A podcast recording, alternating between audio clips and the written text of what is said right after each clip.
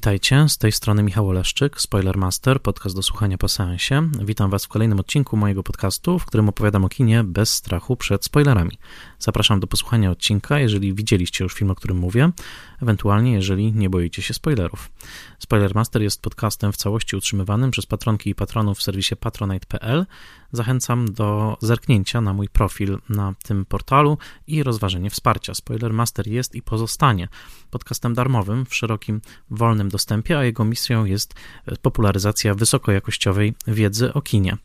Jeżeli chcecie wesprzeć moją pracę przy przygotowywaniu odcinków, zachęcam do tego. Szczególnie dziękuję moim patronkom i patronom imiennym, a zatem Michałowi Hudolińskiemu ze strony Gotam w deszczu, Agnieszce Egeman, Odjemu Hendersonowi, Beacie Hołowni, Annie Jóźwiak, Jakubowi Kądzielskiemu, Tomaszowi Kopoczyńskiemu, Bartkowi Przybyszewskiemu, autorowi bloga Liczne Rany Kłute, na którym przeczytacie o kinie, komiksie, internecie i telewizji, Konradowi Słoce, Mateuszowi Stępniowi, Jerzemu Zawadzkiemu i Tomaszowi Mączce, autorom podcastu Let's Make Movies, prezentującego ciekawe analizy filmowe, blogowi Przygody Scenarzysty, prezentującego analizy scenariuszowe, a także Fundacji Wasowskich, dedykowanej ochronie spuścizny Jerzego Wasowskiego, Wasowskiego i wydającej książki Grzegorza Wasowskiego. Serdecznie dziękuję im wszystkim i wszystkim moim patronom i patronkom i wszystkim słuchaczom, którzy lubią i e, słuchają Spoiler Mastera.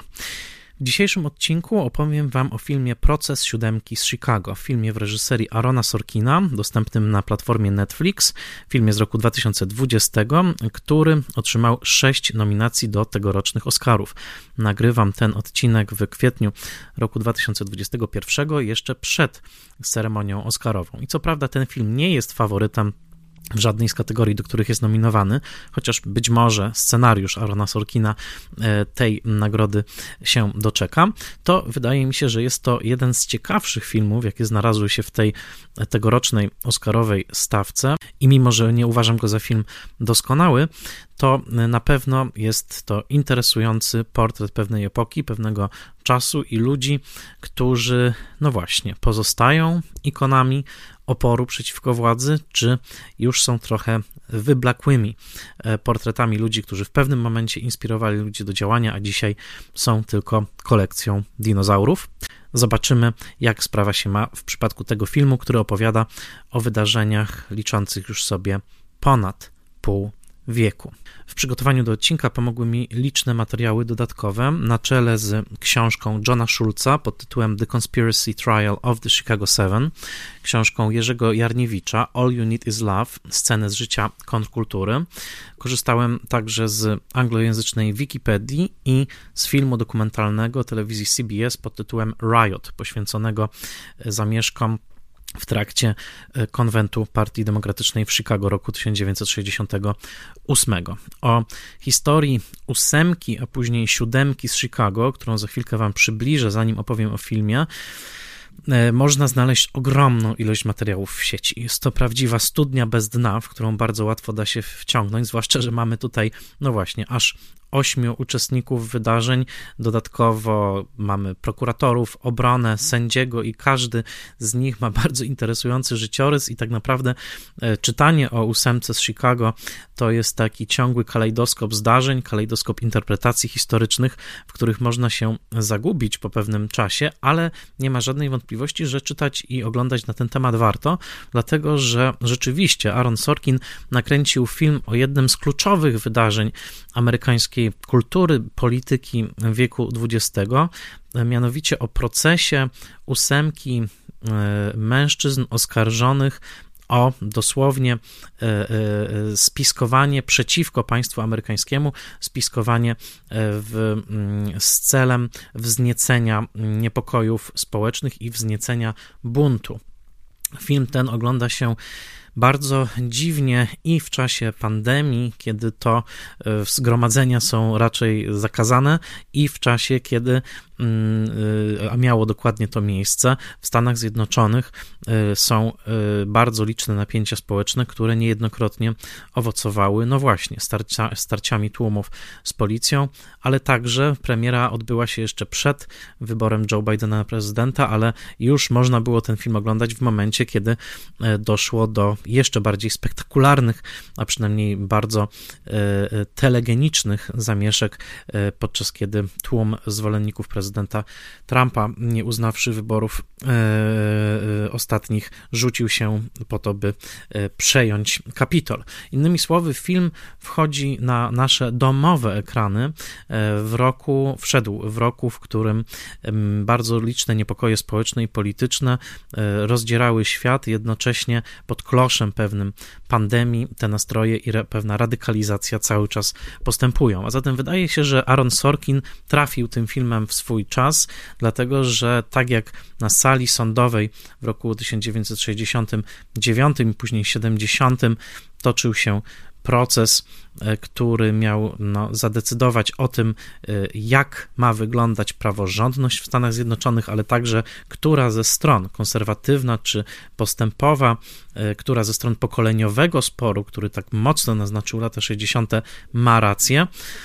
Okazuje się, że po wielu latach ten proces będący jednocześnie rodzajem teatru politycznego z bardzo barwnymi aktorami, że on wciąż wydaje się jak w soczewce skupiać kluczowe napięcia e, dwudziestowieczne, zwłaszcza napięcia powojenne, zimnowojenne i to ciągłe pytanie o e, ambiwalentne siły konserwatyzmu i e, postępu, kapitalizmu i e, socjalizmu, które tak bardzo naznaczyły historię XX wieku. Dodatkowym przewodnikiem po tym świecie i po tym momencie historycznym w drugiej połowie odcinka będzie profesor Patrick Vaughan, wykładowca Uniwersytetu Jagiellońskiego, wielokrotny już gość mojego podcastu, z którym rozmawiałem między innymi o kontekście historycznym filmu pewnego razu w Hollywood, Także rozmawialiśmy o Jimmy Hoffie przy okazji filmu Irlandczyk.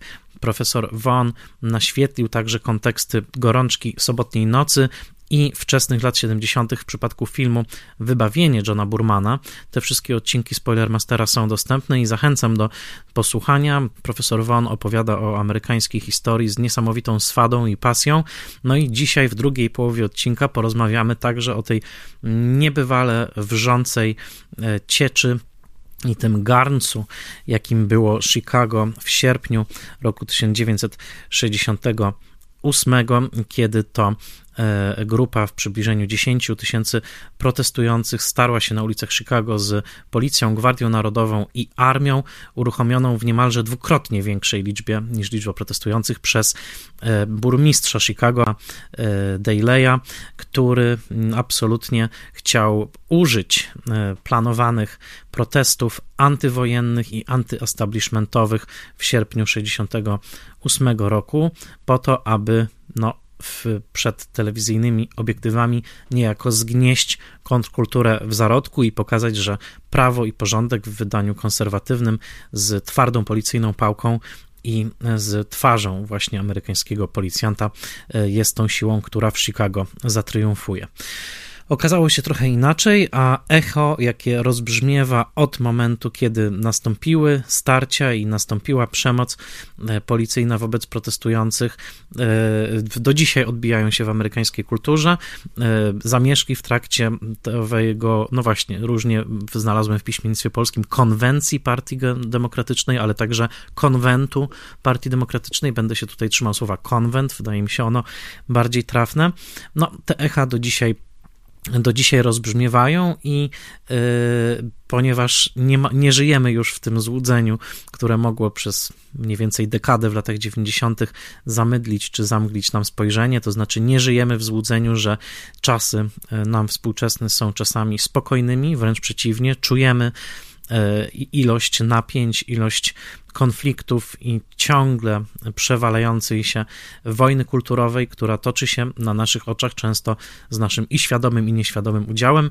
Wydaje się, że film Sorkina, który mm, z jednej strony jest trochę konserwatywny w formie, dlatego że jest no, takim dramatem sądowym, e, jakiego mistrzem Sorkin okazał się już w swoim pierwszym ważnym scenariuszu filmowym, czyli w Ludziach Honoru z roku 1992, e, jest, a z drugiej strony zamyka nas w tej puszce sali sądowej i każe rozsądzać rozmaite racje. Otóż wydaje się, że ten film może być przyczynkiem do jakiejś bardzo interesującej e, dyskusji. Zanim o samym filmie, skrótowo przedstawię wydarzenia. Skrótowo, dlatego że więcej o ich kontekście opowie nam profesor Won w drugiej połowie audycji, ale jednak najważniejsze, co trzeba pamiętać o zamieszkach w Chicago roku 68, to że były one swoistą kulminacją roku, który bez żadnych obaw o przesadę można nazwać najbardziej szalonym rokiem e, amerykańskiej historii XX wieku. Szalonym, no to taki eufemizm, tak naprawdę niepokojącym, pełnym napięć, tarć, przemocy. Rok 68, który na całym świecie okazał się takim momentem politycznego i świadomościowego przesilenia pomiędzy siłami, no właśnie, e, konserwatywnymi i postępowymi, ale także pomiędzy siłami rozmaitych reżimów państwowych, a obywateli, którzy mówili nie. Otóż ten rok w Stanach Zjednoczonych był naznaczony niebywałą wręcz przemocą i kolejnymi wstrząsami e, politycznymi. E, do tych wstrząsów należy zaliczyć fakt, iż e, urzędujący prezydent Lyndon Johnson, który objął e, urząd po śmierci Johna Kennedy'ego w roku 1963, zapowiedział, że nie będzie kandydował na prezydenta na kolejną kadencję. To był polityczny wstrząs, który uruchomił ogromne przemiany w samej partii demokratycznej, z której Lyndon Johnson się wywodził. Innymi słowy, nominacja prezydencka była do wzięcia. Oczywiście bardzo upraszczam ten proces. E, nominację prezydencką, o tę nominację Partii Demokratycznej ubiegało się dwóch kandydatów, Hubert Humphrey, który już rzucał wyzwanie e, Johnowi Kennedy'emu jeszcze e, na początku lat 60. o tę właśnie nominację, a także Eugene McCarthy, który z tych dwóch był powiedzmy bardziej postępowy, na pewno bardziej antywojenny. Ameryka już kolejny rok była uwikłana w wojnę w Wietnamie, w wojnę w Wietnamie, która nie dość, że kosztowała bardzo dużo, to okazywała się właściwie porażką i na froncie militarnym, i na froncie propagandowym, i na froncie e, tkanki społecznej, komunikacji społecznej, dlatego że nic tak nie podzieliło społeczeństwa amerykańskiego wedle linii światopoglądowych i pokoleniowych, jak właśnie wojna w Wietnamie w latach 60. Można powiedzieć, że była to i militarna, i PR-owa katastrofa, która rozgrywała się bardzo długo i w roku 68 e, wciąż zwiększano ilości wysyłanych do Wietnamu amerykańskich żołnierzy, a nastroje społeczne były naprawdę bardzo e, gorące. A zatem rezygnacja Lyndona Johnsona z ubiegania się o nominację i oddanie tej nominacji do takiej walki pomiędzy właśnie Eugene'a McCarthy'ego, bardziej antywojennego, i Huberta Humphrey'a, który nie był aż tak antywojenny, było takim pierwszą iskierką, która zapłonie, która zapłonie w sierpniu 68 roku w trakcie konwencji, która przyzna nominację prezydencką właśnie Humphreyowi. O tym więcej opowie nam profesor Von. Ale rok 68 to także rok ogromnych napięć rasowych, licznych wybuchów niepokojów społecznych, no i przede wszystkim rok dwóch kluczowych politycznych zabójstw, to znaczy zabójstwa Martina Luthera Kinga, e, aktywisty na rzecz praw obywatelskich osób czarnoskórych, który reprezentował, można powiedzieć, pokojową stronę sporu, taką domagającą się dialogu i e, nieużywania przemocy. Wraz z jego śmiercią e, odchodzi do lamusa przekonanie, że bez przemocy te napięcia rasowe w Stanach da się rozwiązać i następuje duża radykalizacja wielu walczących o prawa czarnoskórych e, amerykańskich e, obywateli. E, drugim takim zabójstwem jest zabójstwo Roberta Kennedy'ego, z którym wiązano pewne nadzieje także prezydenckie i znowu wraz z odejściem Roberta Kennedy'ego odchodzi pewne marzenie, że być może oto następca, także w pewnym sensie następca krwi, brat Johna Kennedy'ego przyniesie jakieś ukojenie Ameryce, przyniesie ukojenie temu krajowi tak bardzo w tamtym czasie rozchwianemu. Innymi słowy, w latach, w 1968 roku, kiedy już szykuje się konwencja, czy konwent Partii Demokratycznej w Chicago, w kraju wrze i rozmaici działacze szykują się do zaprezentowania, zamanifestowania swojego sprzeciwu przeciwko wojnie w Wietnamie właśnie wtedy w Chicago.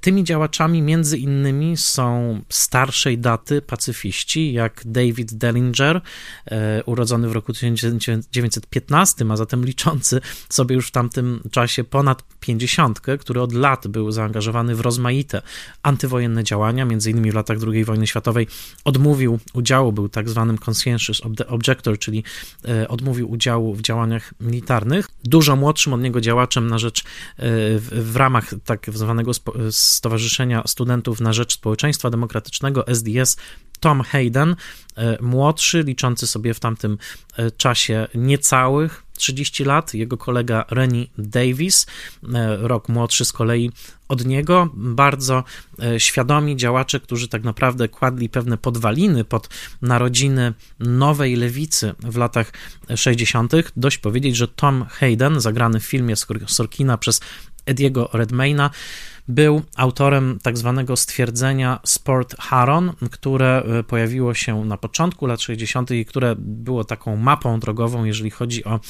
język i metody sprzeciwu przeciwko działaniom państwa amerykańskiego właśnie w latach 60. E, a zatem mamy pacyfistę starszej daty, mamy pacyfistów zaangażowanych politycznie w postaci Toma Haydena i Renego Davisa młodszej daty. Mamy także y, dwóch anarchistów z krwi i kości, jednocześnie anarchistów z pewnymi predylekcjami do y, występowania i do prowokowania teatru społecznego, to znaczy Ebi Hoffmana, e, urodzonego w roku 36, a zatem tuż troszkę ponad 30 w momencie e, wydarzeń i Jerego Rubina. E, Jerry Rubin, który mm, urodził się w roku 38, a zatem znowu 30-latek, razem z Abby Hoffmanem i także we współpracy z Davidem Dillingerem okazjonalnie dopuszczali się bardzo wielu aktów prowokacji, prowokacji, które miały cechy pewnego teatru ulicznego, ale także miały na celu e, wzbudzanie zgorszenia, wzbudzanie e, szybkiej reakcji społecznej. E, ich wydźwięk był zdecydowanie antykapitalistyczny. Abby Hoffman i Jerry Rubin obydwaj pochodzili z żydowskich domów, z żydowskiej klasy średniej, wychowywali się na kampusach amerykańskich i byli studentami bardzo rozczytanymi w pismach marksistowskich.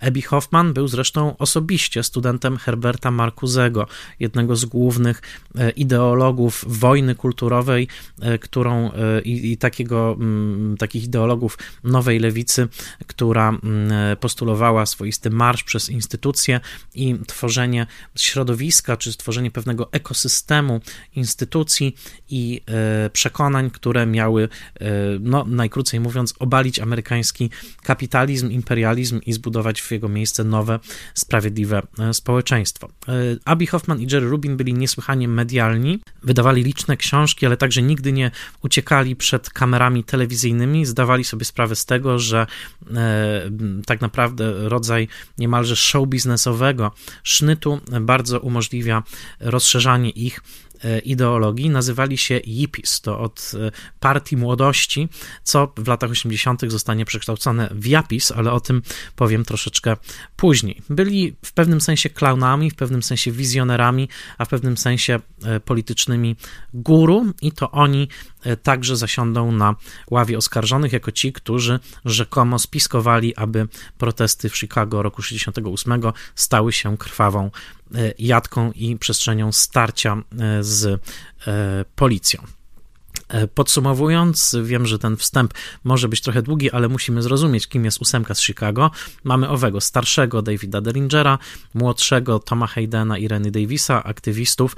Mamy Jerego Rubina i Abby Hoffmana, owych anarchistów ale mamy poza tą piątką także dwóch e, aktorów wydarzeń, którzy okazali się bardziej schowani w tle i, i nawet w filmie Sorkina także w tle bardziej występują niż w centrum mianowicie John Freund i Lee Weiner.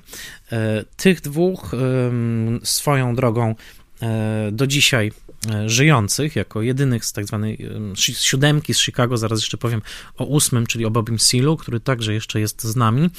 Otóż John Froines i Lee Weiner byli także aktywistami, troszeczkę tutaj mm, zmarginalizowanymi, jeżeli chodzi o sławę e, zasiadania, czy właśnie przynależenia do owej ósemki czy siódemki z Chicago. Ważne jest to, że John Freund był chemikiem i przez lata zasiadał później w rozmaitych szacownych stowarzyszeniach chemicznych i toksykologicznych. Był oskarżony innymi o przygotowywanie właśnie niebezpiecznych substancji na potrzeby e, wojny miejskiej. E, Lee e, Weiner był także aktywistą i człowiekiem, który z latami mm, będzie e, troszeczkę takim kronikarzem wydarzeń roku 68. Wyda także swoją własną książkę, zresztą dosyć niedawno i będzie bardzo silnie, nawet obecnie, porównywał to, co działo się w Chicago w roku 68 do tego, co obserwowaliśmy na amerykańskich ulicach w roku 2020. A zatem, a y, to siódemka, a ósemka, dlaczego ósemka? Czasami mówią Chicago Seven, no tak mamy w tytule, prawda?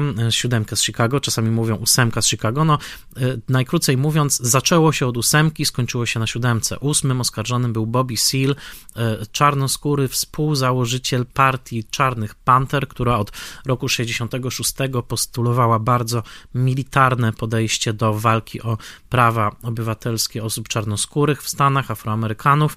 Bobby Seale został w pewnym momencie wyłączony z procesu y, o tak zwany spisek chicagowski i od tego momentu, e, po tym wyłączeniu, które widać w filmie, chociaż jest dosyć mocno przekłamane, jeżeli chodzi o chronologię tego wyłączenia, e, no od tego momentu mówimy już o siódemce e, z Chicago. Bobby Seale był w pewnym sensie, stał się symbolem tego procesu, kiedy to po licznym i bardzo takim mocnym domaganiu się, aby mógł sam siebie reprezentować zgodnie z Konstytucją Stanów Zjednoczonych jako swój własny adwokat, na co sędzia Julius Hoffman, niespokrewniony z e, Abby Hoffmanem, e, wielokrotnie odpowiadał negatywnie, został związany, zakneblowany i przykuty do krzesła łańcuchem i ten obraz zakneblowanego, związanego czarnoskórego mężczyzny, na widok którego swoją drogą jedna z przysięgłych zaczęła płakać, e, był takim symbolem tego procesu i jego pewnego politycznego wymiaru, do którego sam prokurator i sędzia nie chcieli się przyznać. Jednak ten widok czarnego mężczyzny z zakneblowanymi ustami bardzo wyraźnie pokazywał, pokazywał, że najwyraźniej pewne napięcia, pewne tematy polityczne w tym procesie także istnieją, tyle że nie, nie, są, wypowie, nie są przez e, sędziego i prokuratora e, wypowiadane. Bobby Seale w pewnym momencie został wyłączony z procesu e, i wszystkie zarzuty przeciw niemu zostały później oddalone. Ten moment jest przedstawiony przez Sorkina. Chronologia zostaje przez Sorkina dla celów dramaturgicznych bardzo znacząco zamieniona. Jest pokazane, jakoby wyłączenie Bobiego Seala było konsekwencją i nastąpiło tuż po e, morderstwie Freda Hamptona, który także należał do Czarnych Panter i e, było to niemalże z całkowitą pewnością zabójstwo polityczne.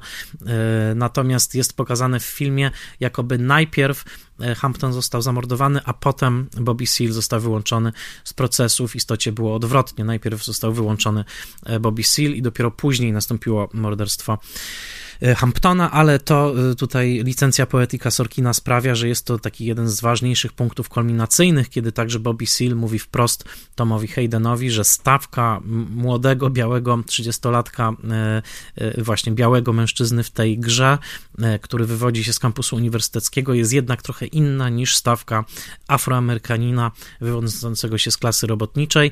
Bobby Seale w jednej z lepszych scen filmu mówi Tomowi Haydenowi, Wie, wiecie przecież, że wy po prostu buntujecie się przeciwko waszym tatusiom.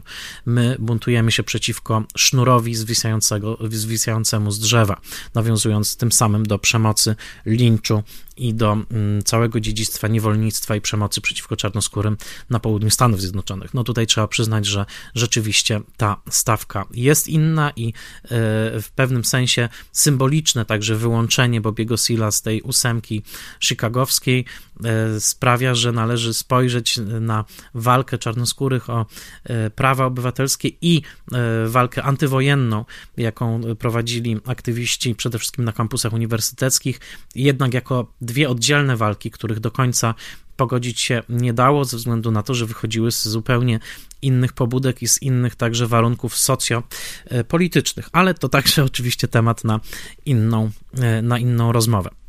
Ten proces toczył się ponad 100 dni i co dla nas ważne, stał się także podstawą dla całkiem licznych filmów, które powstały nawet jeszcze no, niemalże w trakcie trwania tego procesu, bo już w roku 1970 BBC wyprodukowało film z e, Ronem Coxem, znanym nam z filmu Wybawienie Johna Burmana chociażby, e, odsyłam do odcinka Spoilermastera, e, w roli Abiego Hoffmana. W roku 1971 nikt inny jak Jean-Luc Godard nakręcił swój film z, właściwie z taką grupą, nazwaną grupą Dzigi Wiertowa, pod tytułem Włodzimierz i Róża. Nikt by się nie domyślił, że Włodzimierz i Róża to może być film o ósemce z Chicago, a jednak dokładnie tak było i film powstawał w zasadzie jeszcze w trakcie samych wydarzeń. E, był to film bardzo mocno eksperymentalny, który e, e, stosował takie techniki montażowe nawiązujące do kina sowieckiego jeszcze lat dwudziestych, ale także, który był rodzajem no, po prostu takiej prowokacji na żywo upatrującej w ósemce z Chicago właśnie takich wojowników o wolność, która właśnie na oczach Ameryki już zarządzanej od początku 1969 roku przez Richarda Nixona. Otóż y, ta, mm, ten ruch był niejako ideologicznie zgniatany.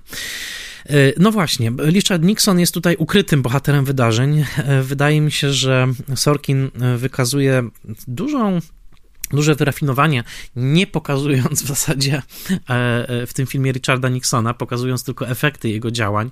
No, mówi się o tym konwencie Partii Demokratycznej i o tych zamieszkach, że niejako sprezentowały one zwycięstwo Nixonowi.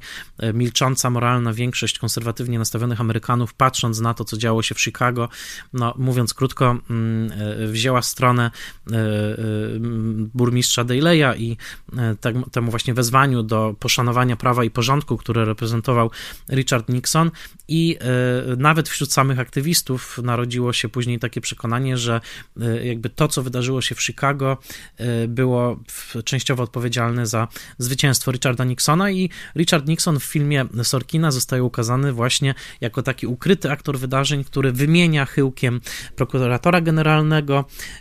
Tutaj w roli tego wymienionego Ramsey'ego Clarka występuje krótko, ale bardzo efektownie Michael Keaton, dając zresztą kluczowe zeznania zeznanie, które faktycznie nic nie zmienia, ponieważ zostaje wykreślone z, e, e, z zapisu procesu przez sędziego Hoffmana, ale tak, Richard Nixon tutaj jest takim właśnie niewidzialnym aktorem. Richard Nixon i całe przekierowanie polityki amerykańskiej na tory bardziej konserwatywne e, i także ukrytym tematem filmu jest e, rozpad czy ogromny kryzys Partii Demokratycznej, która mm, w pewnym sensie cierpiała na swoiste rozdwojenie, e, rozdwojenie jaźni w latach 60. i nie mogła się zdecydować, po której stronie stanąć, czy stanąć po stronie właśnie bardziej umiarkowanej, liberalnej, którą spośród powiedzmy, że tej ósemki najbliższy byłby jej gdzieś szanujący jednak praworządność Tom Hayden, czy opowiedzieć się po stronie bardziej radykalnej lewicy. No w zasadzie ten dylemat towarzyszy Partii Demokratycznej aż do dzisiaj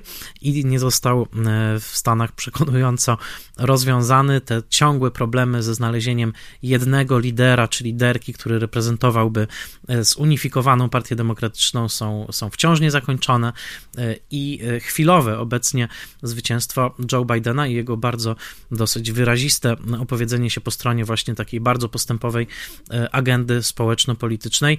E, no, zobaczymy, co przyniesie w przyszłości. W każdym razie już teraz widać, że pęknięcia e, tylko się poszerzają, a bynajmniej nie są e, w trakcie tej prezydentury zaleczane. Ale to oczywiście tylko, mm, tylko mm, dygresja.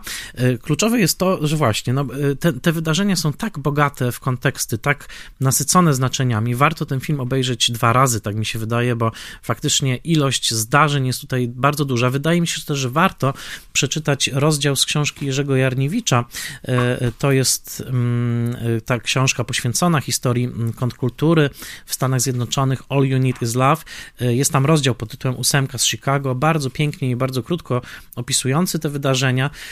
No i też rysujący taki barwny kontekst i, i też wyobraźnię tych, tych protestujących, bo jeszcze w poprzednim, w poprzednim rozdziale mm, tej samej książki pod tytułem Giełda w dolarach, Pentagon w powietrzu, Jarniewicz pięknie opisuje chociażby takie akcje społeczne właśnie Hoffmana, jak wdarcie się do budynku giełdy amerykańskiej i zrzucenie na rozgorączkowanych maklerów stosów banknotów jednodolarowych, które ci maklerzy, grając przecież o wiele większe stawki niż od dolary pojedyncze, zaczęli frenetycznie chwytać, tak jakby e, zależało od tego ich życie, no jednocześnie tym samym Abi Hoffman stworzył pewien bardzo wymowny obrazek, żywy obraz chciwości e, amerykańskiego systemu kapitalistycznego. No, Jarniewicz bardzo pięknie o tym pisze, pisze także o tych prowokacyjnych działaniach protestujących, jak chociażby zgłoszenie jako kandydata party, partii e, e, demokratycznej e, żywej świni, która została zaaresztowana zresztą razem z niektórymi protestu, protestującymi. To o tym wszystko, to wszystko świetnie Jarniewicz w swojej książce kręci, kreśli, więc ja naprawdę namawiam do tego, żeby żeby ten rozdział przeczytać przed filmem, tym bardziej, że Sorkin, mam wrażenie, bardzo dużo zakłada, to znaczy zakłada, że mamy już pewną wiedzę wyjściową. Co prawda, pierwsze 7 minut jego filmu to jest taka montażówka ukazująca wszystkie najważniejsze wydarzenia, o których powinniśmy wiedzieć, ale mam wrażenie, że dla kogoś nieznającego kontekstu ta montażówka, montażówka też może być myląca. To znaczy, zwłaszcza kiedy pokazuje się właśnie morderstwo Kinga, morderstwo Kennedy'ego, y, nie jestem pewien, czy, czy wszystko wiadomo, tym bardziej, że zaraz potem e, mamy mm, e, dużo nazwisk wyświetlonych na ekranie, e, są nam przedstawiani bohaterowie właśnie poprzez ich nazwiska, poprzez ich funkcje, poprzez instytucje, do których należą. I widzimy właśnie Davida Dellingera, Toma Haydena, Davisa, Rubina, Hoffmana, tych wszystkich działaczy Bobiego Sila w siedzibie Czarnych Panter moja rada jest taka, zanim obejrzycie ten film, chociaż wnoszę, że już obejrzeliście, bo Spoilermaster to podcast do słuchania po seansie, warto poczytać, warto, zwłaszcza odsyłam właśnie do tych rozdziałów Jerzego Jarniewicza, All You Need Is Love, Sceny z życia kontrkultury, książka wydana e, przez e, Znak w 2016 roku, naprawdę dobra, przygotowująca grunt pod oglądanie tego filmu. No i właśnie, i filmowo, już przechodząc do samego filmu, no mamy tak, mamy szalony, bardzo awangardowy film Jeana Luca Godarda, polecam, Włodzimierz i Róża. To właśnie takie przedstawienie niemalże na gorąco tych, tych wydarzeń. Jest film BBC, do którego nie dotarłem, film z Ronem, Ronem Coxem, ale nie tylko. Najciekawszym filmowym potraktowaniem, e, takim omówieniem tych wydarzeń, absolutnie i uważam, że lepszym od Sorkina, jest film z roku 1987, dostępny w całości na YouTubie. Film nazywa się Conspiracy: The Trial of the Chicago Seven. Reżyserem jest Jeremy Kagan. Kagan poświęcił kilka lat życia na zrobienie tego filmu. Najpierw napisał scenariusz, który odrzuciła stacja CBS jako zbyt radykalny politycznie. Następnie przeprowadził wiele dziesiątek godzin wywiadów ze wszystkimi uczestnikami wydarzeń. Nakręcił materiał dokumentalny i zrealizował ten film dla HBO, którego wtedy zamówiło w 1987 roku, jak, y, kamerami wideo, jako taki niemalże na żywo odtworzenie procesu. Elliot Gould y, jest tam obecny w obsadzie mm, Peter Boyle, e, Barry Miller jako Rennie Davis w takiej dosyć komicznej roli, e, ale e, co, co istotne, bardzo ważne jest to, że Kagan nakręcił film bardzo wierny zapisom procesu i nie pozwolił sobie na takie przesunięcia, na jakie pozwolił sobie Sorkin, który no właśnie zaburzył chociażby mm, chronologię mm, dotyczącą śmierci Freda Hamptona i który przesunął na sam koniec procesu scenę odczytywania nazwisk Amerykanów, którzy zginęli w wojnie w Wietnamie. U Sorkina to jest taki triumfalny finał. Tak naprawdę to nastąpiło dużo wcześniej i co, co ważne, co Sorkin pominął, były odczytywane także nazwiska Wietnamczyków, którzy zginęli w wojnie. U Sorkina tego nie ma. A zatem Kagan trzymał się bardzo mocno wydarzeń, ale co ciekawe, stosował też eksperymentalne techniki wideo, które sprawiały, że często w jednym kadrze mieliśmy aktora, na przykład odkrywającego mm, Abiego Hoffmana i prawdziwego Abiego Hoffmana wiele lat później, który wypowiada się wprost do kamery. To było bardzo e, ciekawe, tak jakby duchy e, tych faktycznych członków ósemki zasiadły Bobby Seal, tam też jest obecny e, jego materiał dokumentalny, więc e, wspaniały film, bardzo pełen napięcia i przede wszystkim mam wrażenie, oddający większą sprawiedliwość postaci Bobiego Seala, ale o tym jeszcze za chwilę. Bardzo go polecam.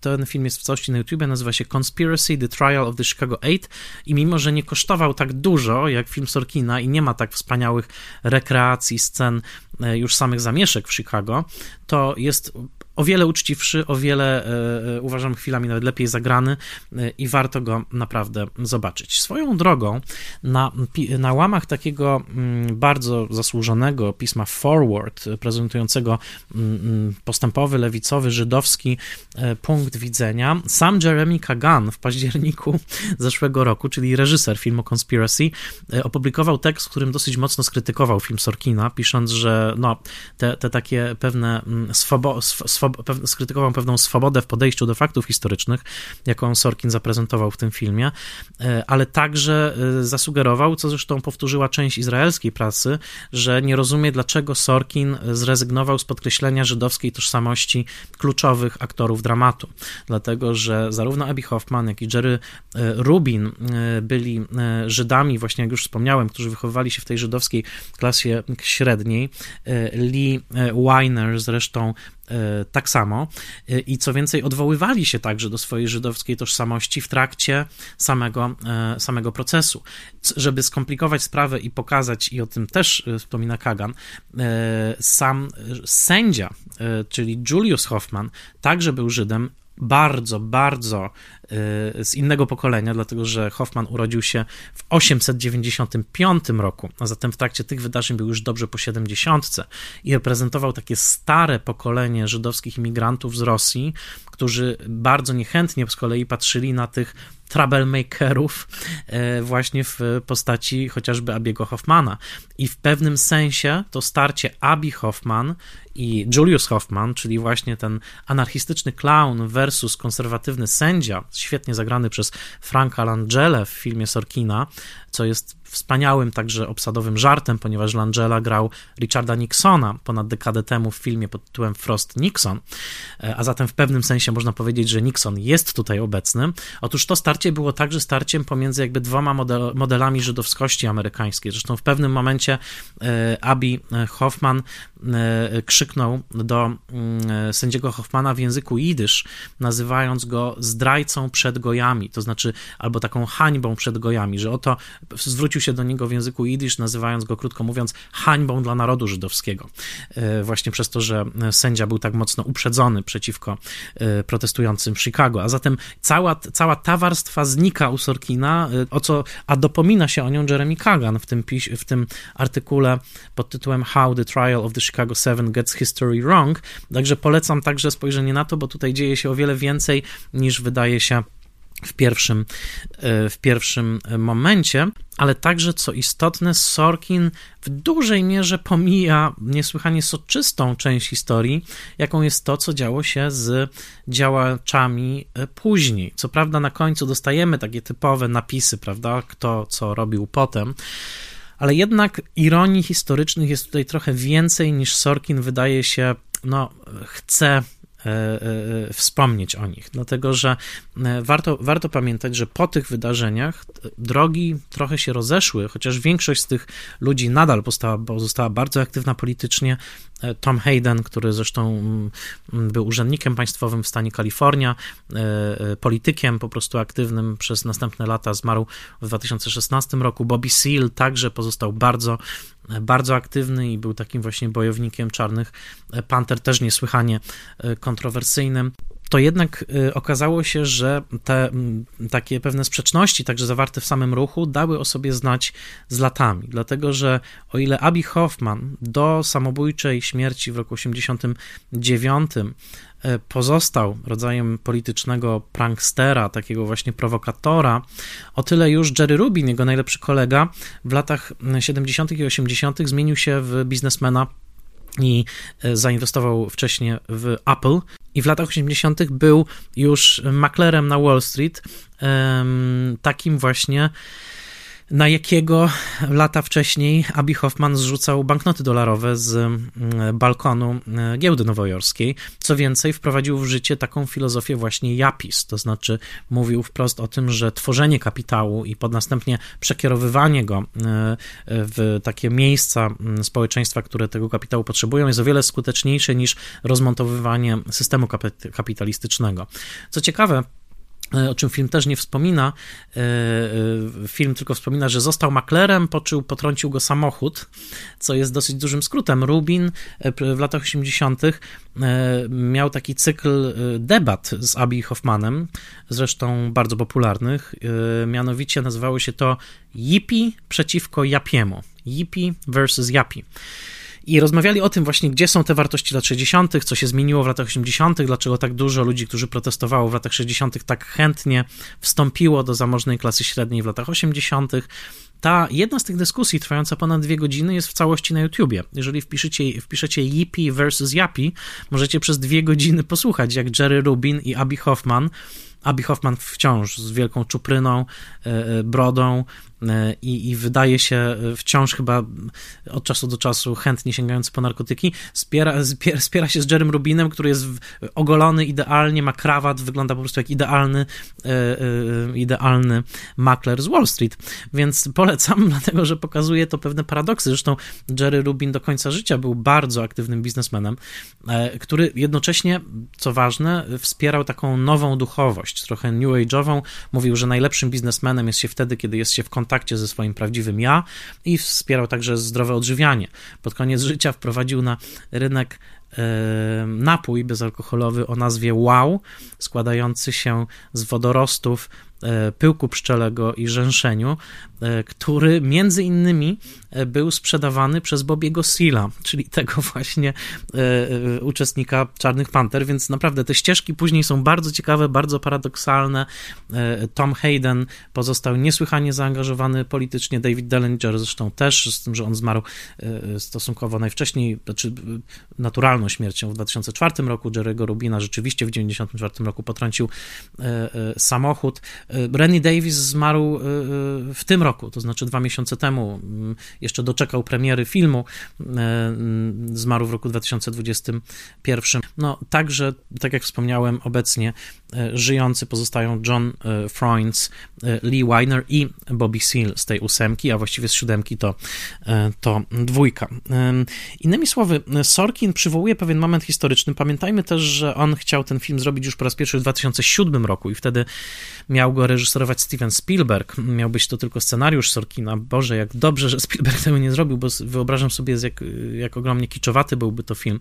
E, myślę zwłaszcza o tym zakończeniu, takim dosyć podniosłym, chociaż może jestem trochę niesprawiedliwy. W tym samym czasie Spielberg nakręcił bardzo dobre Monachium, później zrobił też dobrego Lincolna.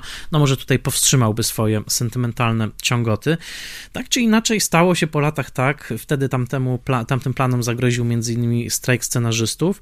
Stało się tak, że po latach Sorkin zrobił ten film. Zrobił go bardzo szkolnie, tak troszeczkę od linijki. Dobrze wyreżyserował aktorów. Tutaj na szczególną pochwałę moim zdaniem zasługuje Eddie Redmayne jako Tom Hayden, bardzo rozdarty wewnętrznie pomiędzy tym impulsem buntowniczym i impulsem konstruktywnym, właśnie takim liberalnym. A także świetnie zagrał Sasha Baron Cohen. Sasha Baron Cohen pomysłowo obsadzony jako Abby Hoffman. Sasha Baron Cohen oczywiście znany jako Borat, jako Ali G, jako Bruno, też rodzaj prankstera społecznego. No właśnie można na Amazonie oglądać sequel do jego Borata, nominowany też do Oscara za scenariusz, y, który no, pokazuje, że Sasha Baron Cohen jest takim trochę Abby Hoffmanem współczesności, który, że tak powiem, robi żarty i pranki w trumpowskiej Ameryce.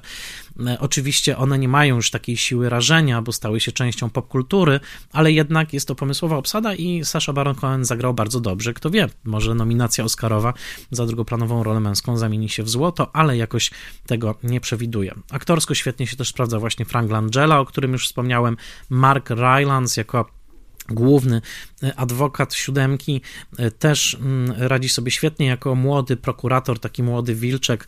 E, Joseph Gordon-Levitt jest równie znakomity. Natomiast cały film, i tutaj przechodzę trochę do krytyki, ma w sobie, nie chcę mówić coś dziaderskiego, ale jest w tym wszystkim ślad tego, o czym sam Sorkin mówił, mianowicie, że kiedy po raz pierwszy Spielberg opowiedział mu o pomyśle nakręcenia filmu o ósemce z Chicago, Sorkin powiedział, że w życiu o tym nie słyszał, że nie znał tej sprawy, co wydaje się trochę dziwne, jak na kogoś urodzonego w 61 roku i jednak no, bardzo świadomego różnych politycznych y, y, y, no, wydarzeń. No, Sorkin w wieku tych lat 40 paru nadal nie wiedział, czym była historia kontrkultury, można powiedzieć krótko. Więc on podszedł do tego z tym swoim takim prymusowskim podejściem, naczytał się wszystkiego, co można, stworzył bardzo dobrą strukturę, oczywiście napisał wiele bardzo błyskotliwych dialogów, które faktycznie są świetne, ale nie zawsze, czasami są też nadmiernie błyskotliwe i takie trochę su sucharowe, bym powiedział i, i stworzył swój, swój film, który pod względem struktury, polecam wam obejrzenie tego filmu e, tak na podwójnym seansie z ludźmi honoru, ma bardzo podobną strukturę. Też z tym takim kluczowym momentem przełomu w śledztwie, w momencie, kiedy oni wpadają na to, żeby powołać na świadka Ramzeja Clarka i tak dalej, i tak dalej. No i jest w tym filmie coś takiego, że on nie pachnie rokiem 2007, tylko on pachnie rokiem 97. Gdyby ten film powstał w roku 1997, 5 po, lat po Ludziach Honoru, uwierzyłbym, że przynależy do tej epoki. Brakuje tu pazura i mimo, że w pewnym sensie Sorkin miał szczęście, że oczywiście mówię to w dużym cudzysłowie, że te wszystkie wydarzenia społeczne przydały kontekstu temu filmowi, to w samym filmie nie wyczytamy nadmiernej świadomości Sorkina odnośnie tego, jak bardzo wydarzenia z roku 68 czy 69 można odnosić do dnia dzisiejszego. Pod tym względem jeszcze jeden film jest dobrym kontekstem dla tego, mianowicie pewnego razu w Hollywood e, e, Quentina Tarantino, które także zanurza nas dokładnie w ten sam moment roku 69, także wskazuje na pewien kluczowy punkt końca kontrkultury, jakim było zabójstwa Mansona e, w domu Polańskiego, ale jednak robi to z pełną miłością dla tej epoki.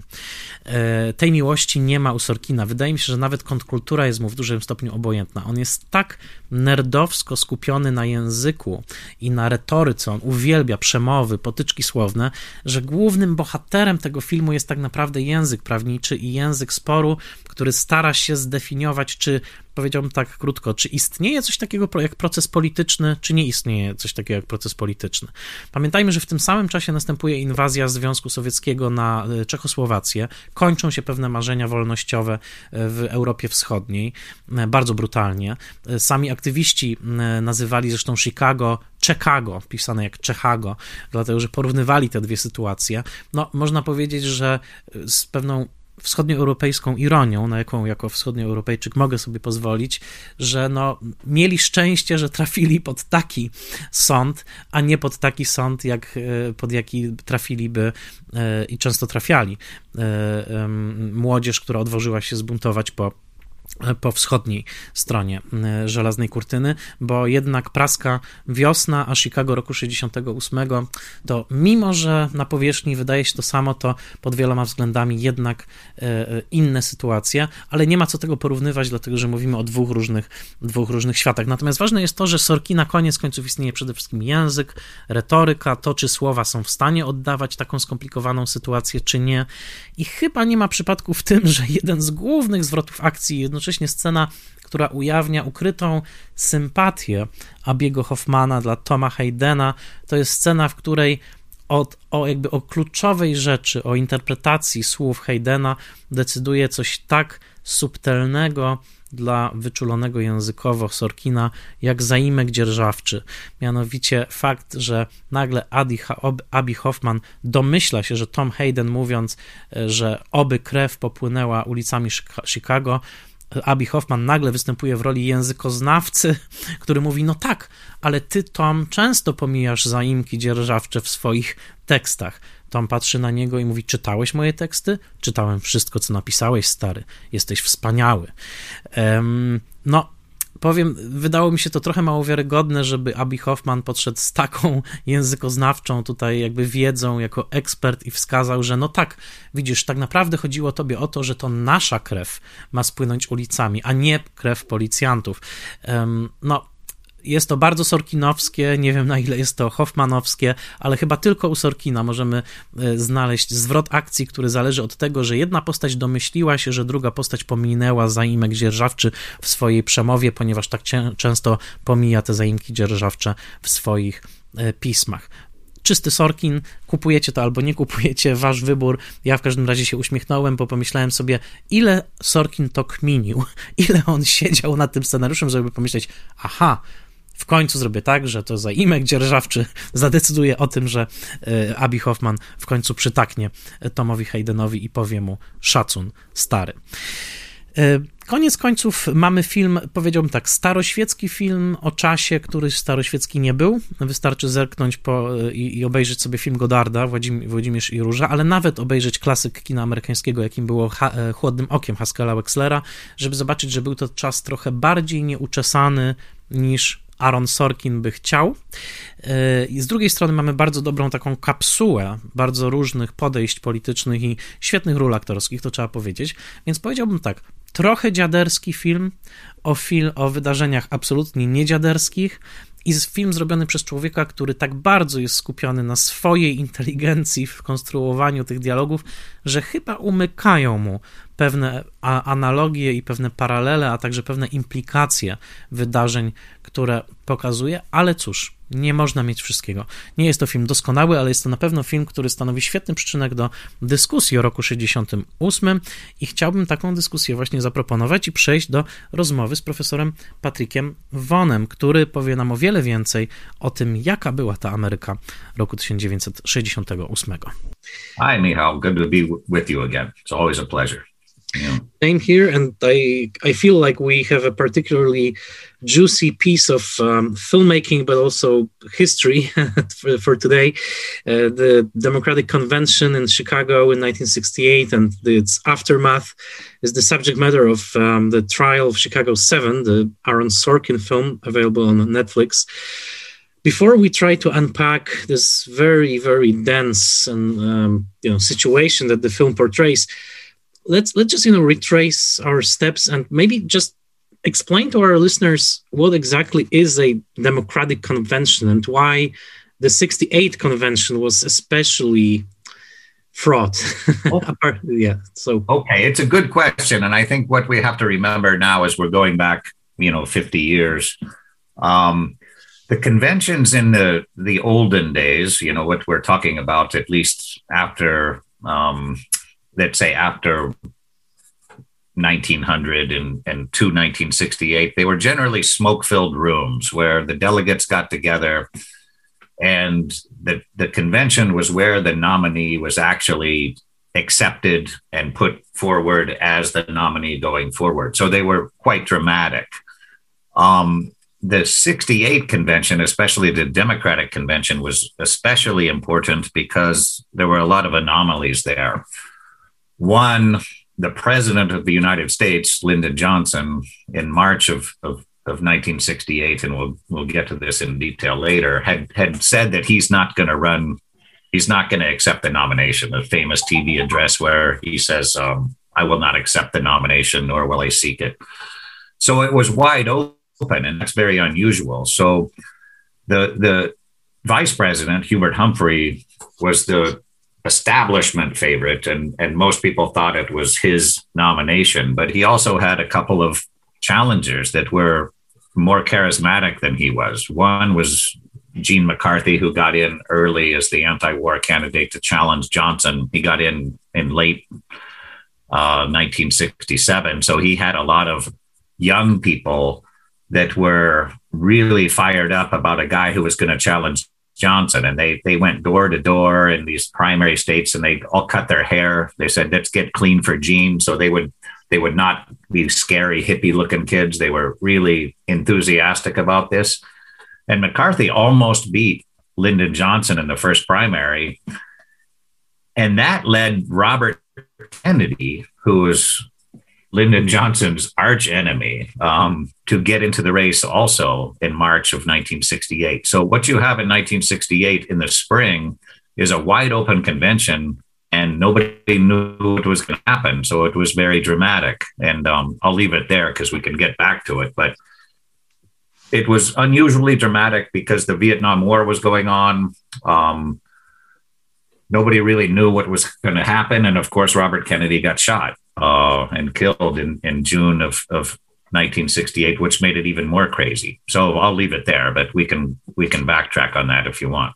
Yeah, sure. And uh, well, also 1968 marks the death of Martin Luther King, so um, it's it's even more uh, you know dramatic, I would say, and and you know um, the tension, especially around the you know issues of race, really is boiling at that at that at that point. Um, so the movie starts you know with, we see a group of people whose basically their purpose is you know not have Humphrey nominated. And and uh, but before we understand them because the movie is you know devoted to them let's yeah. try to understand a voter of Humphrey at that time. Let's try to sort of enter the mindset. Who who were people voting for Humphrey or planning to vote for Humphrey, okay. in 1968 I'm going to just backtrack and give some just history on Hubert Humphrey. Hubert Humphrey was a traditional sort of northern liberal. He was from Minnesota, kind of in that populist vein of the 1930s and 40s. And in, in 1948, the Democratic Party kind of split. Um, and Hubert Humphrey actually had a civil rights plank on, on the 1948 convention, which is in Philadelphia, which was very important because it it it kind of pit people like Hubert Humphrey versus people in the Democratic Party called the Dixiecrats. So Hubert Humphrey in the 1950s was kind of your standard good liberal establishment figure. And so when Lyndon Johnson needed a vice president after John Kennedy got shot, which we can talk about here in a minute, because I think that's actually quite important because that kind of ripped the Democratic Party in, into several factions. One, because Bobby Kennedy had tried to convince his brother never to pick Lyndon Johnson as, as his vice president in 1960. So now you have this crazy situation where Lyndon Johnson is now president and Bobby Kennedy's running against him. And Hubert Humphrey is kind of caught in the middle. So Hubert Humphrey one of the criticisms of, of Hubert Humphrey was he was scared to death of Lyndon Johnson. Lyndon Johnson picked him as his vice president, and Lyndon Johnson kind of picked him because he could control him. And the first the first thing when when Lyndon Johnson picked Hubert Humphrey to be his vice president, he put him on a horse down in Texas, kind of to make him look ridiculous. And he said, Hubert, get on that horse. You're my vice president. And people thought that was a metaphor that Humphrey would do whatever Johnson said and that included supporting the war in Vietnam. So I'll leave it there. But that's that's Humphrey's big dilemma. And I want to get back to Martin Luther King because this is important. If you want to have one more question, then I can get to that. Um, uh, because Humphrey, you know, this it's kind of a crazy year. When you talk about crazy years, 1968, there's nothing crazier because Lyndon Johnson in, in December of 1967 gave this big speech about how the Vietnam War was winnable. There's light at the end of the tunnel. And everybody was saying, okay, we can win this war. And, and then the Tet Offensive happened.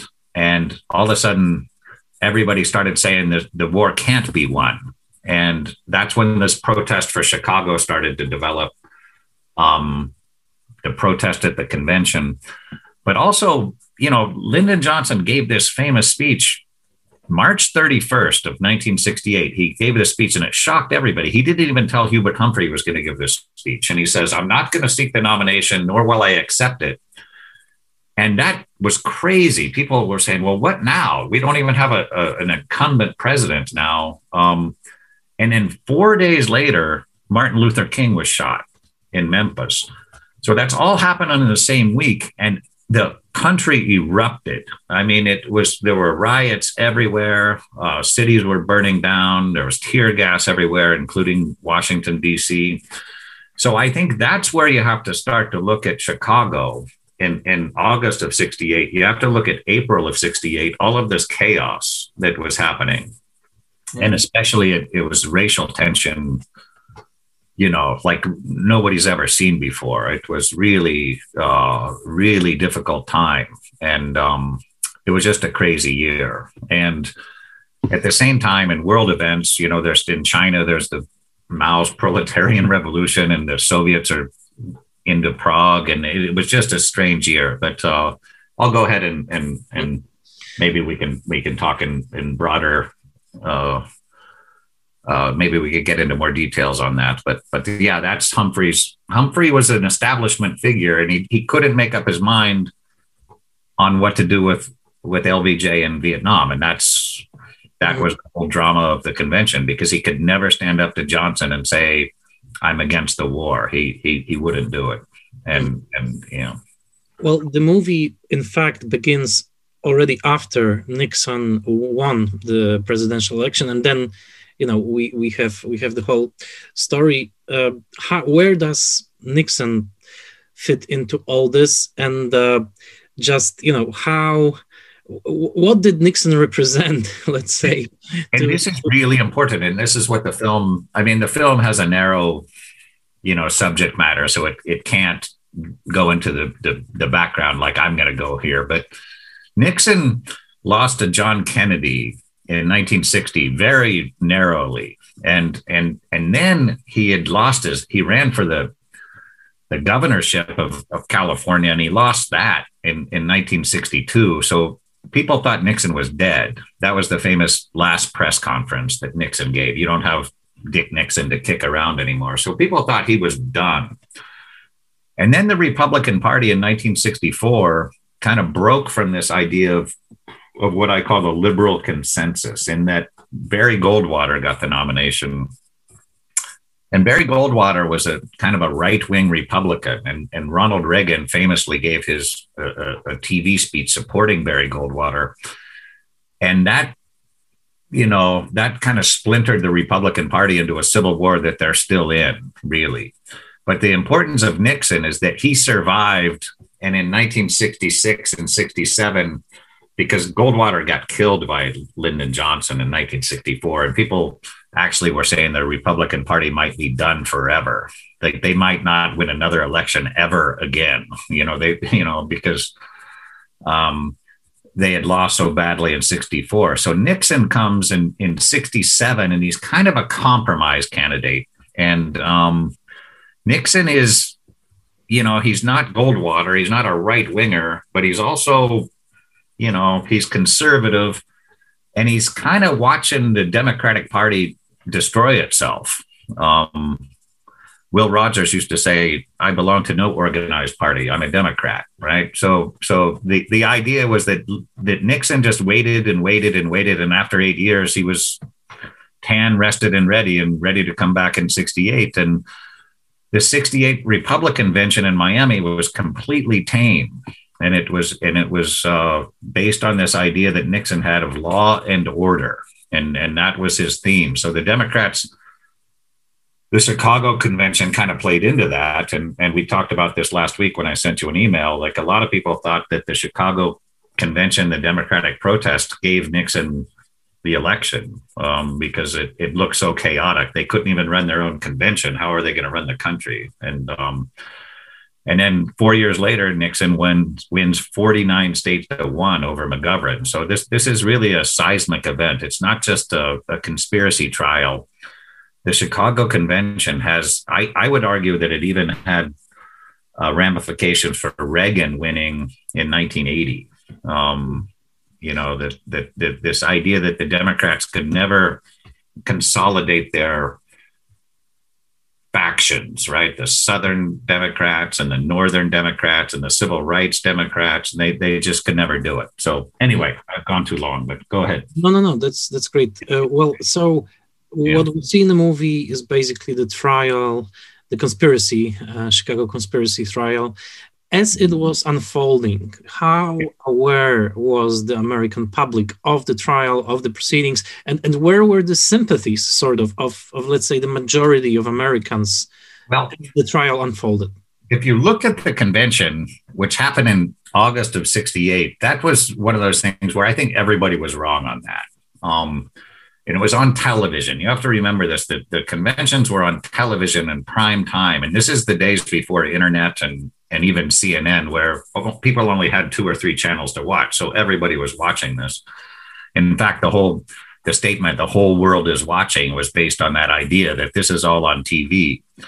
So the American public in the summer of 1968 is first of all they're dealing with Vietnam, an unpopular war, and then what you have in Chicago is a bunch of protesters who are mostly college kids, um, mostly probably from the suburbs, protesting in Chicago against policemen, probably that came through the Chicago Dick Daley machine, Richard Daley, the mayor, who are mostly Irish or Polish or kind of blue collar. And you get this really weird cultural war there that the journalists mostly come down and side with the, the students, the protesters. But what they called middle America, Joseph Kraft, who was a, a, a, a, a national columnist in 1968, came up with this term middle America.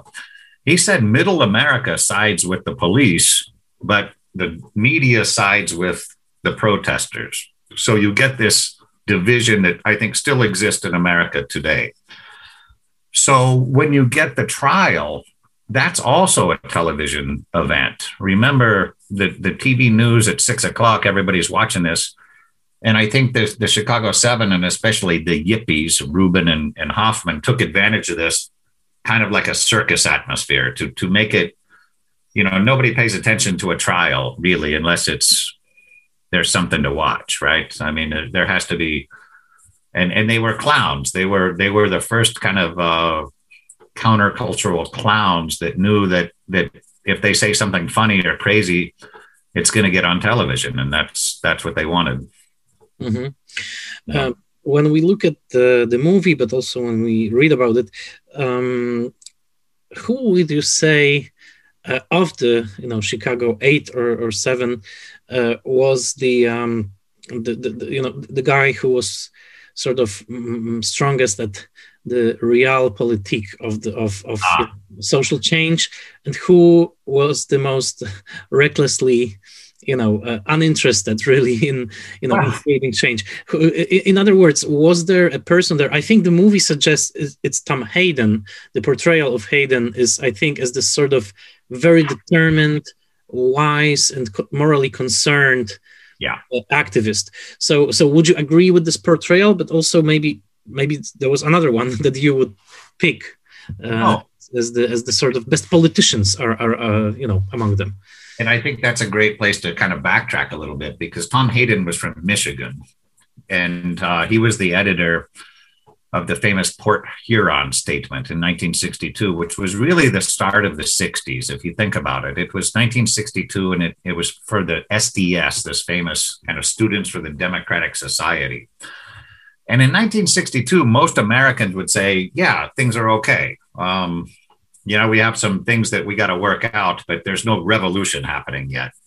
You know, JFK is still in there. They're talking about the moon you know, there's a Cuban Missile Crisis and, and a lot of things that are uh, concerning about the Cold War.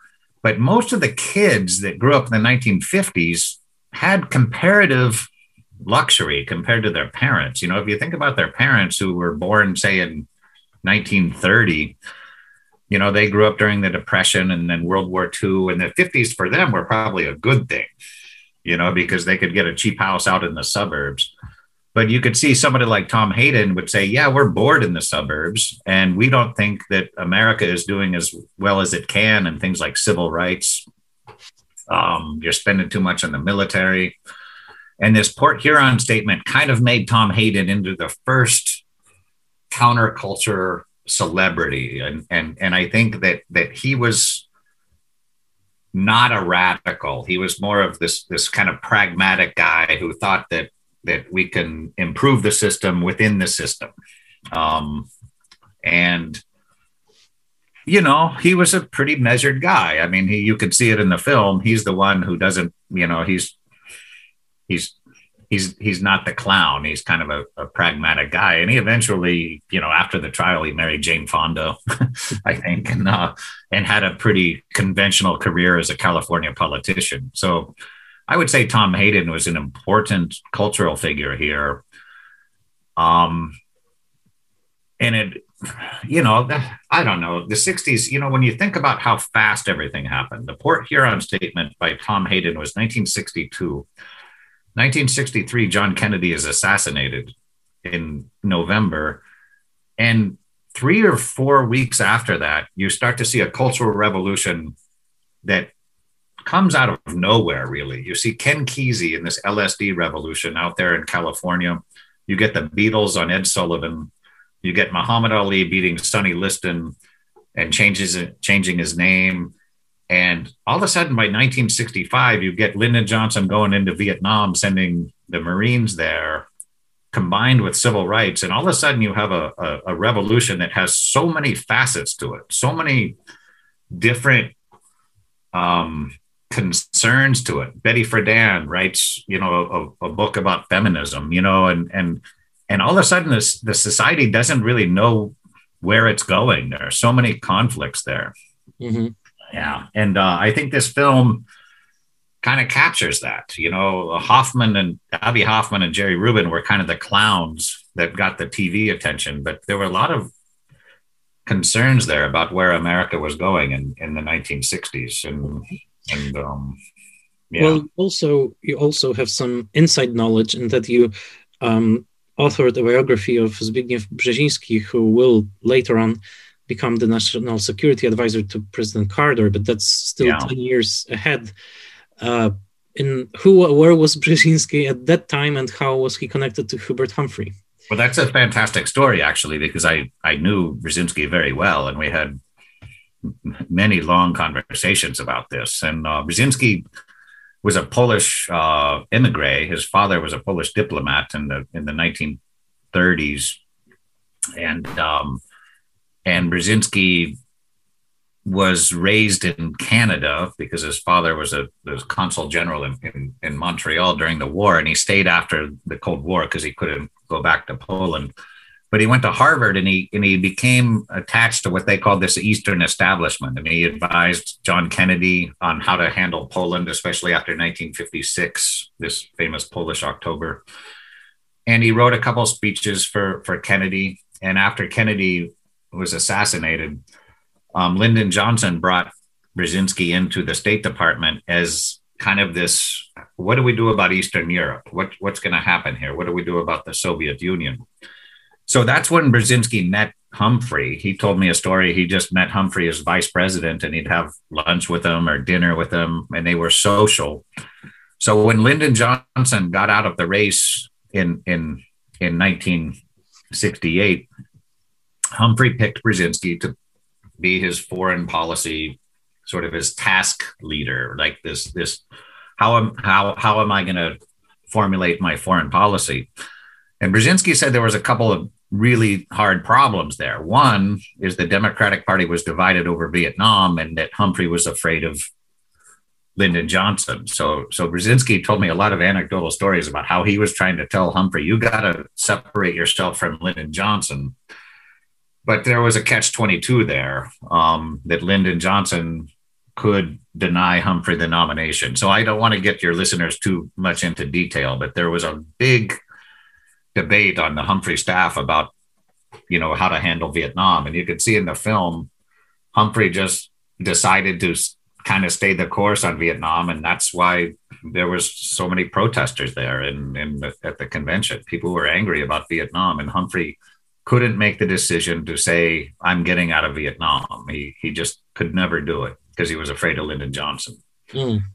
Yeah, but Brzezinski was a really important player in this. Um, he told me the story, and I maybe I shouldn't tell this, but he, he told he, he says that that he was working for Humphrey, but the night that the, the the election was very close that Nixon won, he he kind of came to the conclusion that Humphrey wouldn't have been a good president because he he wasn't strong enough. He couldn't stand up to Johnson, and and he and he and he really didn't fight that hard on the campaign, and um and I think that's where Brzezinski made the the kind of the link to to Jimmy Carter, who was a Southerner, who was who was kind of firm in his convictions, but 1968 was a crazy year, and it's almost impossible to explain to your listeners probably how crazy it is because there are so many different angles there. But I think the, the short story is that Richard Nixon, the Republican, benefited from the, the impression that the, the Democrats couldn't handle society. The c- cities were burning. Um, Vietnam didn't look like a war that could be won. Um, Humphrey was a weak kind of candidate. He was kind of a weak person in a way. And Nixon barely won, you know, even then. But in 1972, Nixon won 49 states to one. So, so the, the, the Democratic chaos benefited the Republicans for 20 or 30 years after this, I would argue. Mm-hmm, mm-hmm. That's how the movie feels that, you know, it portrays a sort of formative event, you know, event that reverberates until today. And that's why the movie seems eerily relevant to many things that are, you know, happening right now. Uh, what I was also wondering was, uh, you know, where were the uh, Vietnam veterans in all this? Because in popular culture, we have this, you know, image of a anti-war Vietnam vet like, you know, John Voight in in Coming Home, uh, probably Tom Cruise in, you know, Born of the on the Fourth of July. In 1968, where were you know the veterans in all this? Like where they side do we have any knowledge like as a group which side they were uh, siding? Well, that's a hard one. You know i have a personal example because my cousin i'm the youngest of a very extended family so my cousin is more closer to my dad's age so he he was in 1965 he volunteered to be a marine in vietnam and i'm going to talk to him in my podcast next week about this he told me that, you know, it was really hard because they were just regular kids. I mean, he was just a regular guy. Uh, and and and he said they were doing their best trying to fight this war, but they felt kind of caught in the middle. And um, he said the politicians weren't trying to win this war; they were kind of not, you know. But but it was still a very violent war, and it was there's no way to end this war. And when he got out, he told me that that he was in the Seattle airport after, after serving for two years at the, the, the peak of this this really nasty war 65 66 and 67 and he got out and uh, in seattle he said he was waiting to get his bags and some girl came up and spit on him and said you know he's a baby killer and uh, and so so the the culture was so split there you know and he, he felt like you know yeah, it, it, you know, the Vietnam vets, and that's one thing about the, the Chicago event that really triggered it is that a, a kid in Lincoln Park scaled the, the flagpole, took down the American flag, and put up a Viet Cong flag. And you can see how provocative that would be if there were vets in the police force or, or whatever, you know, that that they're actually advocating a victory for the enemy. And um, and I should probably say my own personal opinion is Vietnam was a huge mistake. I, I think that they didn't know what they were getting into. Um, the decisions were all made by high politicians that didn't know what was happening on the ground. And maybe would have, we would have all been better off if they would have just let Vietnam decide its own its own fate. But um, fighting a 15 year war was maybe the best, the worst of both worlds or all worlds because Vietnam you know, that was a nasty war. And I think the veterans felt like they were kind of betrayed by this. Um, you could see in the film at the end of it, Tom Hayden reads off all the, the, the soldiers that were killed since the trial began. And, but I think most of the Vietnam veterans were not students. They weren't intellectuals like Tom Hayden. They were just regular guys um, from the ghettos, uh, either the black community or from Appalachia or from Texas. They were they were just the regular kind of people that didn't have a college deferment. So they were, it was like the poor people's war. Most of the people that fought in that war were not college students, you know. Mm-hmm.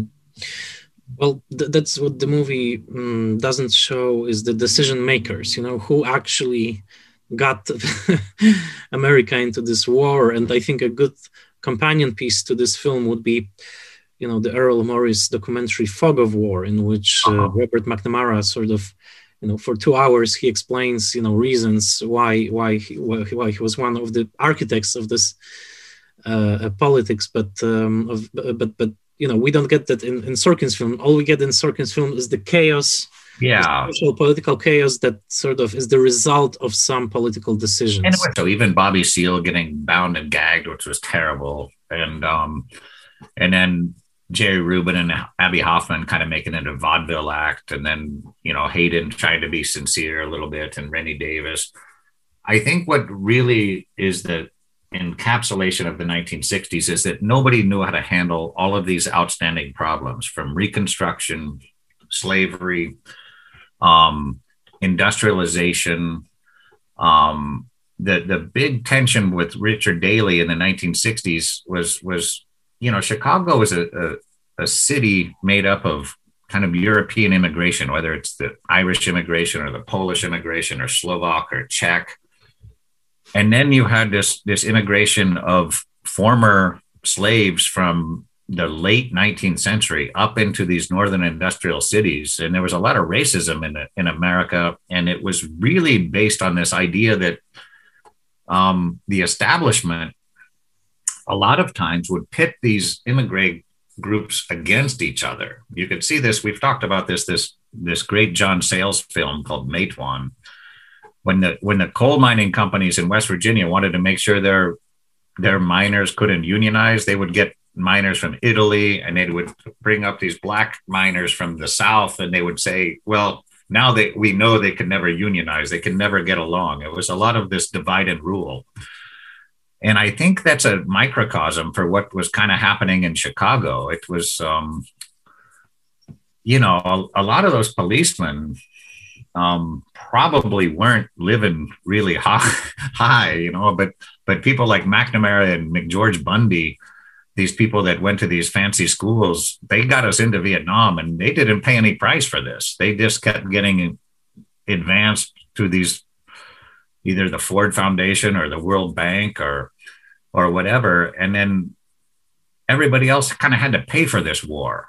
And and I think America really missed a chance in the 1960s to solve a lot of these problems peacefully, but they did it. Um, and I think that's part of the this the this film, this this Sorkin film. Right. Well, slowly mm, heading to the end, but I remember the episode of an American sitcom in the 90s, uh, M- Murphy Brown, yeah. Uh, in which, you know, Candice Bergen plays this sort of liberal journalist from Washington, D.C., and uh, there was an episode in which she invited a writer uh, from the 60s like the 60s radical onto her show to you know to talk about politics and she was convinced that the guy is still you know left leaning yeah. 60s radical he was played by martin sheen uh-huh. and during, during the during the conversation during the interview she's shocked because uh, uh, actually he's a Reagan supporter. He's a complete conservative. You know, like he he he, he underwent this complete transformation, and she's like, "How could you? how could you do it?" Well, and uh, how how about these guys like Chicago? You know, eight or seven. Like, what's what was their political afterlife? I think that's a good question because I think um, family ties, the the the the sitcom in the 80s that was the whole thing michael j. Fox plays like a young republican and his parents are like these liberal 60s people. It's kind of the fish out of water story. And and i think murphy brown kind of played on that. Murphy brown was a very interesting show. It was well written. Um, but i think a lot of these people i think jerry rubin was the first yuppie actually. He invested in Apple computers and I think he made a lot of money and he cut his hair and he wore a tie. And I think in the 1980s, he was that's where they got yuppie from because it was yippie, right? They were the yippies and they kind of turned it into yuppie. Um, I think, you know, a lot of the, the 70s, 60s radicals by 1980, they became non radical. And that happens when we get older. We have kids and we we get jobs and you get a mortgage and, and you can't just go throw bombs in a park anymore. And I and I think that's what happened in the 1970s is that that Reagan in 1980, um, that was kind of the end of the 60s. You know, it was um, Reagan was very conservative. He was the governor of California during this time, the Berkeley riots and all of that that sort of thing in Chicago. And I think now we're, you know, history goes back and forth. Now we're in kind of a, a liberal time or a, a, radical time, even when people are starting to say let's go back to the 60s and let's let's mm-hmm. revisit that. I, I just worry that sometimes we get into a revolutionary mentality and we don't know really what we want. And um, and I think that was kind of the lesson of the 60s. Everybody wanted something else. And um, there was no overreaching pragmatic plan to say this is what we want right maybe the only plan of the 1960s was getting a person on the moon right and and uh, you know everything else was just kind of ad hoc and revolutionary and crazy and um, i don't know you know well, yeah. one final question. I, I keep you know listening and reading uh, the reactions to the film, to the Sorkin film. Yeah. I, I see that the general critical consensus in the states is you know it's it's a well-meaning film. It's you know it's it's pretty talky. It's not very cinematic. I mean, yeah. most of it takes place in you know courtroom, and when you compare it to you know more like energetic movies based on Sorkin scripts, like A Few Good Men, for example, yeah. or Social yeah. That th- this is a little bit like antiquated retro uh, story, and I kind of agree. I, I, think that there's something missing in the film, like like like a real excitement, you know, of. of when what, I what's your film, I, yeah, when I finished the film, I kind of went, you know, there was you just kind of left with something. No, it could have been better, but you know, it's it's just it's a story about a legal trial and that's hard to make exciting. You know most legal trials by definition are boring right? They're they're they're supposed to be you know um, efficient. You make a decision and then you get on with another another case. But this one was kind of special. Um, i think my over arching feeling and we talked about this when we talked about what did we talk about i can't remember you brought up the easy rider we blew it or um, oh, um, oh right i think that was for Saturday Night Fever, I think. Yeah, and then um, but but I think the '60s. When I look back on it now, I grew up in this crazy period because I was just a kid then. All I remember is smelling tear gas and marijuana everywhere. And and if you want to know what the '60s was really like during this trial, go look at the the, the Rolling Stones documentary "Gimme Shelter" when everybody is at Altamont completely stoned or on some sort of narcotic. And it's hard to have a functioning society when everybody is a revolutionary. You need boring people sometimes to run your society, right? And uh, that's what Brzezinski wrote an article about this in 1968 when um, the students took over the Columbia campus and they put the Soviet flag up above above C- Columbia. And he was a refugee, you know, he was obviously Poland was under communism at that time, and he says, "Would you really rather be under a communist system, um, as opposed to Columbia, where you can do anything you want? Like you can smoke pot at the at lunch and do everything you want. You can take over the dean's office and not get arrested, you know. And and I think that was kind of the the dilemma for people because it's nice to have revolutionaries like Rubin and Hoffman, but you also need regular people who work in insurance companies or they're doctors or airline pilots or or people that just take their regular jobs. I I think that sometimes we we neglect the regular people that just do the right things and don't get any media attention. They don't make movies about those people. I, I have a neighbor and and we we we argue a little bit sometimes. She says, "Well, without revolution, you can't have change." And I said, "That is true, but sometimes the revolution goes so far as that it mm. there's no rational kind of discussion there. Everybody ends up hating each other, and um, and when you end up hating each other, you could see this in this film, The Chicago Seven everybody just disrespected each other. There was no kind of common discourse at all. There was no like, hey, this is how we can solve this problem. It was just taunting each other. And um, and I think sometimes that makes problems worse. But uh, I, I think Vietnam was a mistake. I think Chicago was a mistake. I think there are no heroes really um, in this film. And um, and I just think it's a sad kind of part of history that we didn't solve some of these problems earlier. So I will uh, I will leave it at that, and uh, thank you so much for you know appearing here, and also uh, to all my listeners, I recommend Patrick Vaughan's podcast, The H Frame, uh, which you know has uh, lots of interesting guests and stories.